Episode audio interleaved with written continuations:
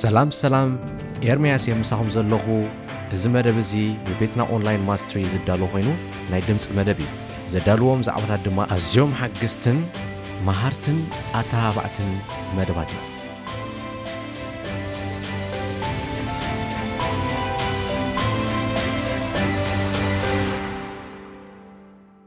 ሰላም ሰላም ዝኸበርኩም ተኻታተልቲ ናይዚ መደብ ከመይ ኣለኹም ከመይ ቀኒኹም ርሑስ ቅንያት ናይ ሓድሽ ዓመት ክኾነልኩም ምምነየልኩ ሶ ናይ ሎማዓንቲ ሒዘልኩም መጽየ ዘለኹ መደብ ኣብ ሂወትና ከመይ ጌርና ንመጻኢ ዝኸውን ኣካይዳና ንውጥን ወይ ከኣ ኣተሓሳስባና ከመይ ክኸውን ኣለዎ ከመይ ክንሰርሕ ኣለና ከመይ ዓይነት ኣካይዳ ክንከይድ ኣለና ዝህበና ሓጺር መግለጺ ሒዘ መጽየ ኣለኹ ማለት እዩ። ይጠቕመና ኢለ ስለ ዝሓሰብኩ እየ ዘምጽኦ ዘለኹ።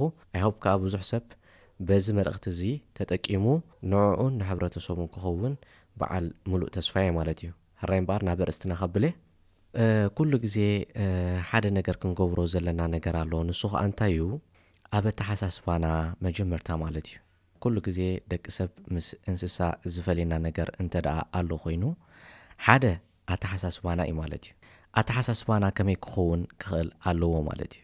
ኣተሓሳስባና ክብለኩም ከለኹ ልክዕ እንስሳ እውን ኣይሓስብን ማለት ኣይኮነን ግን ሓደ ካብኡ ድፈልየና ነገር እንታይ ኣሎ ንሕና ንንጽባሕ ክንሓስብ ንኽእል ኢና እንስሳ ግን ንጽባሕ ኣይሓስብን እዩ ማለት እዩ። ስለዚ ንመዓልቲ እዩ ዝነብር ንሕና ግን ንዝመጽእ ዘሎ ግዜ ናይ ቅድሜና ዘሎ ናይ ዓመት ክልተ ዓመት ሰለስተ ዓመት ፕላን ወይ ከኣ ውጥን ከነውጽእ ንኽእል ኢና ማለት እዩ።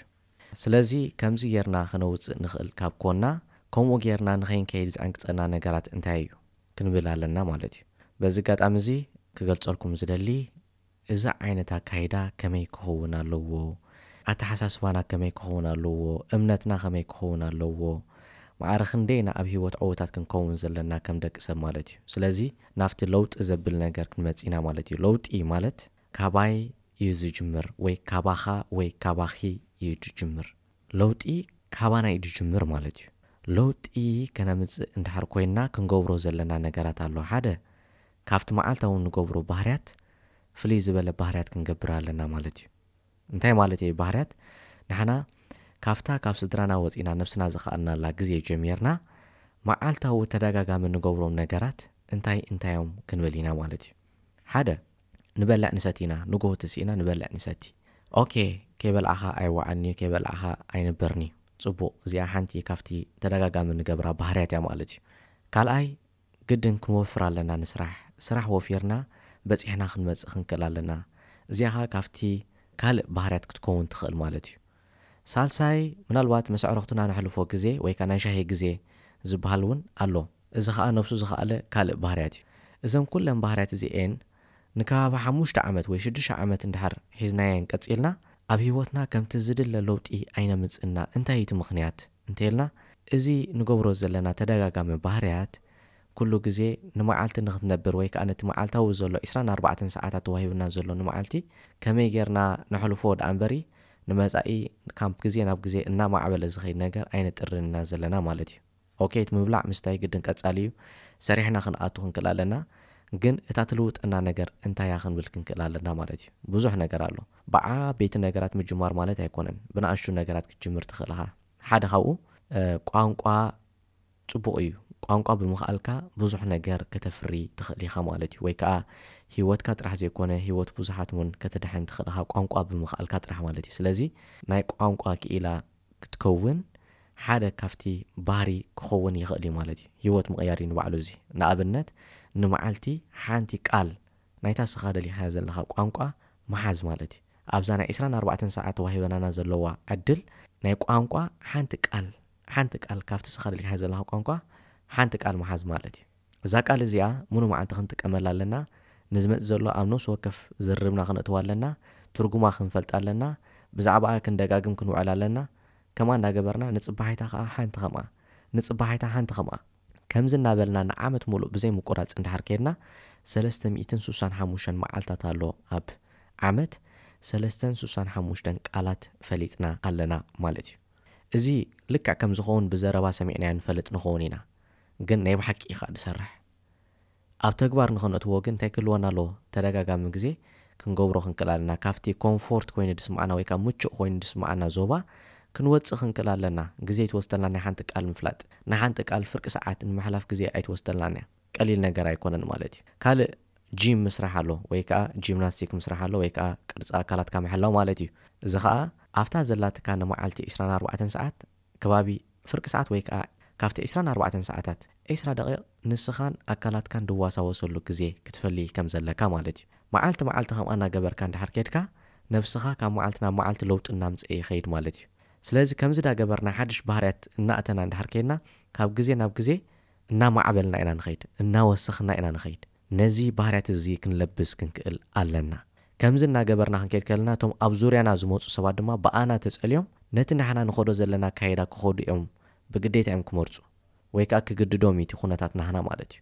ስለዚ ከምዚ ዓይነት ኣካይዳ ብምዃንና ንዓና ጥራሕ ዘይኮነ ነቲ ኣብ ዙርያና ዘሎ ሰብ ስለ ንጸሉ ዘለና ናብ ጽቡቕ ነገር ንመርሕ ኣለና ማለት እዩ። ብዙሕ ግዜ ኣይወስደልካን እዩ ብዙሕ ኤነርጂ ኣይወስተልካን እዩ ኣሽንኳይ ደኣ ዝበለጸ ሓይሊ ይህበካ ዝኾነ ነገር ተቐባላይ ንኽትከውን እገብረካ መስቲ ከምታ ዓይነት ባህሪ ዝኾዱ ሰባት ከይፈተኻ ክትላሊ ኢኻ ንዓኻ ዝመስሉኻ ሰባት ክትርኢ ኢኻ ንኹሉ ግዜ ርእስኻ ኦፐን እዩ ማለት እዩ ልክዕ ንሕና እቲ ነሕልፎ ግዜ ኣብ ነብስና ዘማዕብል ነገር ኣብ ንማራመረሉ ነገር ዝኾነ ለውጢ ከምጽኣልና ዝኽእል ንሂወትና ነገር ክንሓልፍ ክንክእል ኣለና ሓንቲ ነገር ክነግረኩም እየ ሓንጎል ዝብሃል ነገር ኣሎ ወይ ከኣ ናይ ኣተሓሳስባና ክእለት ርእስና ዝብሃል ነገር ኣሎ ኩሉ ነገር መሰረታዊ ምንቅስቃሳት ናይ ሙሉእ ህዋሳት ናይ ነብስና ወይ ከኣ ኣካላት ናይ ነብስና ካብ ምንታይ እዩ ዝፍልን ብመን ይድእዘዝ ተልና ብርእስና ይድእዘዝ ልክዕ ርእስና ናይ ብሓቂ ክሰርሕ ክኽእል ኣለዎ ርእስና ጂም ከነስርሖ ክንክእል ኣለና እንታይ ማለት እየ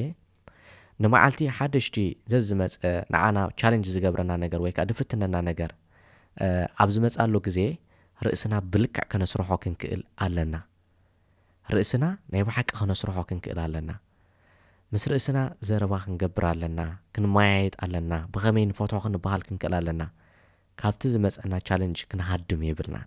እንተ ሃዲምና እቲ ንዓና ከዳኽመና መጺኡ ዘሎ ቻለንጅ ወይ ከኣ እቲ ንዓና ከዳኽመና መጺኡ ዘሎ ዝኾነ ከቢድ ነገር ካብኡ ክንሃድም ተፈቲንና ንሱ ሓይሊ ይውስኽ ደኣምበሪ ካብኡ ስለ ዝሃደምካ ሓይሉ ይቕንስ ማለት ኣይኮነን።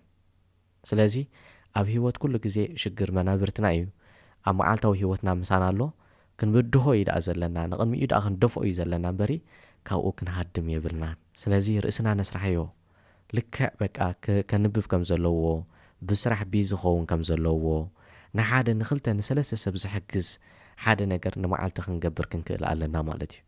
ሰርቪስ ክንገብር ኣለና ሽግራት ናይ ሰብ ሓንሳእ ንዓና ንዓና ጥራሕ ዘይኮነ ናይ ካልኦት ሰባት ሽግራት ከማን ክንፈትሕ ዓቅሚ ኣለና ነብሲ ወከፍ ሰብ ዓቅሚ ኣለዎ ድበዝሐ ሰብ ናብ ጭንቀት ዝኣቱ ወይ ከኣ ነብሱ ናብ ዘየለ ነገር ዝመርሕ እንታይ እቲ ምክንያት ተልና ካብ ሽግር ክንሃድም ስለ ንደሊ ኢና ካብ ሽግር ኣይህደምን እዩ ንሽግር ናብ ፊት ኢካ ትኣትዎ ብከመይ ትፈትሖ ንዝብል ነገር ድማ ልክዕ ኣብቲ ኣብ ህይወት ዕዉታት ዝዀኑ ሰባት ምስኦም ክትቀርብ ኣለካ፣ ወይ ካባኻ ዝልዐሉ ሰባት ወይ ጸለውቲ ዝዀኑ ሰባት። ብዝተኻእለካ መጠን ዋጋ ከፊልካ ዲኻ? ኢንቨስት ጌርካ ድኻ? ግዜኻ ድዩ ክኸውን ዝኽእል? ዝዀነ ዝሕተት ነገር ተሓቲትካ ነታ መጺኣትካ ዘላ ሽግር ካልኣይ ግዜ ናባኻ ንኸይትቀርብ ፍታሕ ከተዳልወላ ኢልካ ክትጽዕር ኣለካ ማለት እዩ። ቀንዲ መሰረታዊ መገዲ ናይ ዓወት ንጅምረሉ ካብቲ መዓልታዊ እንገብሮ ባህርያት እዩ ማለት እዩ። ካብቲ መዓልታዊ እንገብሮ ምንቅስቓሳት እዩ ማለት እዩ። ካብቲ መዓልታዊ እንገብሮ ኣክቲቪቲ እዩ ማለት እዩ። ሓደራና ኩላህና ካብ መዓልቲ ኣብ ዕስራን ኣርባዕተን ሰዓት ሓንቲ ኣብ ዓሰርተ ዓመት ትኹን ኣብ ሓሙሽተ ዓመት ትኹን ኣብ ክልተ ዓመት ትኹን ብዙሕ ለውጢ እተምጻልና ነገር ደቂቕ ጌርና ንጀምራ። ንኣብነት ኣብ ዓመት ኣነ ሓሙሽተ ሚእቲ ሽሕ ዶላር ከእቱ ኣለኒ ኢልካ ሕሰብ። መጀመርታ ሓሳብ ይመጽእ ማለት እዩ። ርእስኻ ኣብ ሕቶ የእቲኻዮ ኣለኻ፣ ብኸመይ ደኣ ሓሙሽተ ሚእቲ ሽሕ ዶላር? ሀራይ ጽቡቕ። ዓመት ክንደይ መዓልቲ ኣለዋ? ሰለስተን ስሳን ሓሙሽተን መዓልቲ ኣለዋ፣ ወይ ከኣ ዓሰርተ ክልተ ወርሒ ኣለዋ። ስለዚ ሓሙሽተ ሚእቲ ሽሕ ንዓሰርተ ክልተ ተመቒለዮሲ ንወርሒኸ ክንደይ ከእቱ ኣለኒ ማለት እዩ፣ ኣብ ዓመት ክንድኡ ኣታዊ ክገብር እንድሓር ኮይነ? ኢልና ክንሓስብ ክንክእል ኣለና ማለት እዩ ክንደይ ይመጽእ ኣሎ ሓሙሽተ ሚእቲ ሽሕ ዝተሞቕሎ ን ዓሰርተ ክልተ እንተ ጌርናዮ ክንደይ ይመጽእ ኣሎ ኣርብዓን ሓደን ሽሕን ሸውዓተ ሚእትን ዶላር ከነእቱ ክንክእል ኣለና ኣብ ወርሒ ማለት እዩ ኣርብዓን ሓደን ሽሕን ሸውዓተ ሚእትን ዶላር ኣብ ወርሒ ከነእቱ እንድሕር ኪኢልና ንመዓልቲ ክንደይ ነእቱ ኣለና ማለት እዩ ንዕኡ እውን ዝተሞቕሎ ን ዕስራ ንግበሮ እተን ተረፍ መዓልታት ናይ ዕረፍቲ ግዜና እየን ንመዓልቲ ክልተ ሽሕን ሰማንያን ሓሙሽተን ዶላር ከነእቱ ክንክእል ኣለና። ኦኬ ጽቡቕ ክልተ ሽሕን ሰማንያን ሓሙሽተን ዶላር ንመዓልቲ ንኸነእቱ መገዲ ከነናዲ ኣለና ፍታሕ ከነምጽእ ኣለና ካብ መን ካብቶም ንመዓልቲ ክንድኡ ዘእትዉ መን እዮም እቶም ንመዓልቲ ክንድኡ ዘእትዉ ብዙሓት ኣለዉ መጽሓፍ ጸሓፍቲ ድዮም ክኾኑ ዝኽእሉ? ወነንቲ ትካላት ድዮም ክኾኑ ዝኽእሉ? ዋላ እንታይ እዮም? ውልቀ ሰባት ልክዕ ከማና እዮም እዞም ሰባት እዚኦም። እቲ እሶም ዝኸድዎ መገዲ ከነናድዮ ክንክእል ኣለና ማለት እዩ። ክሳብ እታ ክልተ ሽሕን ሰማንያን ሓሙሽተን ዶላር ንመዓልቲ እነእትዋ ዕረፍቲ ዝበሃል ክስምዓና የብሉን ማለት እዩ። እዚ ሓደ እንታይ እዩ? ዕላማ እዩ። ሓደ እንታይ ሸቶ እዩ እዚ ነቲ ሸቶና ክንሃርም እንድሕር ኮይንና ልክዕ እዚ ዓይነት ኣካይዳ ክንከይድ ኣለና ማለት እዩ ክልተ ሽሕን ሰማንያን ሓሙሽተን ክሳዕ ትመጽእ እዚኣ ናይ ሂወተይ ኣሳይመንት እያ ናይ ሂወተይ ሐቶ እያ እዛ ሐቶ እዚኣ ክምልሳ ክኽእል ኣለኒ ኢልና ለይትን መዓልትን ድቃስ ክስምዓና የብሉን ማለት እዩ ዕረፍቲ ክስምዓና የብሉን ማለት እዩ እዚኣ እንተ ጌርና ኣነ ኣብ ዓመት ሓሙሽተ ሚእቲ ሽሕ ከእቱ እንድሕር ክኢለስ ዋእ እሞ ኣብታ ካልኣይቲ ዓመት ደኣ'ሞ ሚልዮን ዶላር እውን ከእቱ ይኽእል እየ ማለት እዩ። እሞ ድሕሪኣ ዘላኸ ክንድዚ ከእቱ እኽእል እየ። ነዚኣ ፍታሕ ብምግባርካሲ እታ ንመዓልቲ ክልተ ሽሕን ሰማንያን ሓሙሽተን ዶላር ንምእታው ፍታሕ ካብ ገበርካ፣ ንመዓልቲ ኣርባዕተ ሽሕ ዶላር ፍታሕ ክትገብር እውን ኣይተጸግመካን እያ ማለት እዩ። እታ ዝመጻኻያ መገዲ ኢኻ ትደግማ፣ ዳብል ትገብራ ማለት እዩ። ስለዚ ቀልጢፍና ተስፋ ኣይንቑረጽ፣ ኩሉ ግዜ ህይወት ቀላል ኣይኮነትን ሂወት ኩሉ ግዜ ናይ ፈተና ባይታ እያ ማለት እዩ ነቲ ፈተና ከኣ ክንሓልፎ ክንክእል ኣለና ማለት እዩ ናይ ነብሲ ወከፍና ሓላፍነት እዩ ነቲ ፈተና ሓሊፍና ድማ ኣብ ዝለዓለ ሂወት እንተበጺሕና ንሕናን እቲ ንሕና ንሓስቦ ደረጃን ወይ ከኣ እቲ ንሕና ንሓስቦ ዓወት ክንጓናጸፍ ንክእል ማለት እዩ። ናይ ሎምዓንቲ ሓጻር መብርሂት ወይ ከኣ መሃሪት እያ ዝበልኩዋ ሓሳብ ሒዘልኩም መጽየ ኔረ ነዚኣ ትመስል ኔራ ጽን ኢልኩም ስለ ድሰማዕኹምኒ ብልቢ የመስግነኩም ከም ወትሩ ቤትና ኦንላይን ማስትሪ ብኦንላይን ዝምህር ቤት ትምህርቲ እዩ ብመገዲ ኢንተርነት ዝምህር ትምህርቲ እዩ ገለ ካብቲ እሱ ዝምህሮ ትምህርቲ ድማ ናይ ፎቶሾፕ ትምህርቲ ኣለዎ ናይ ቪድዮ ኤዲቲንግ ትምህርቲ ኣለዎ ሳልሳይ ድማ ናይ ቋንቋ እንግሊዝኛ ትምህርቲ ኣለዎ። ብኣዝዮም ምኩራን መምሃራን፣ ኣብታ ዓውዲ ነዊሕ ግዜ ተመኩሮ ዝወሰዱ መምሃራን እዮም። ነዚ ኣድል እዚ ኣይነሕልፎ፣ ንጠቐመሉ፣ ኣብ ህይወትና ከኣ ለውጢ ነምጽእ። Thank you ብሩኽ መዓልቲ ነቶም መዓልቲ ዘለኹም ብሩኽ ምሸት ከኣ ነቶም ምሸት ዘለኹም ኣዝየ የመስግነኩም ባይ ባይ። ሰላም ሰላም ኤርምያስ እየ ምሳኹም ዘለኹ። እዚ መደብ እዚ ብቤትና ኦንላይን ማስትሪ ዝዳሎ ኮይኑ ናይ ድምፂ መደብ እዩ። ዘዳልዎም ዛዕባታት ድማ ኣዝዮም ሓግዝትን መሃርትን ኣተሃባዕትን መደባት እዮም።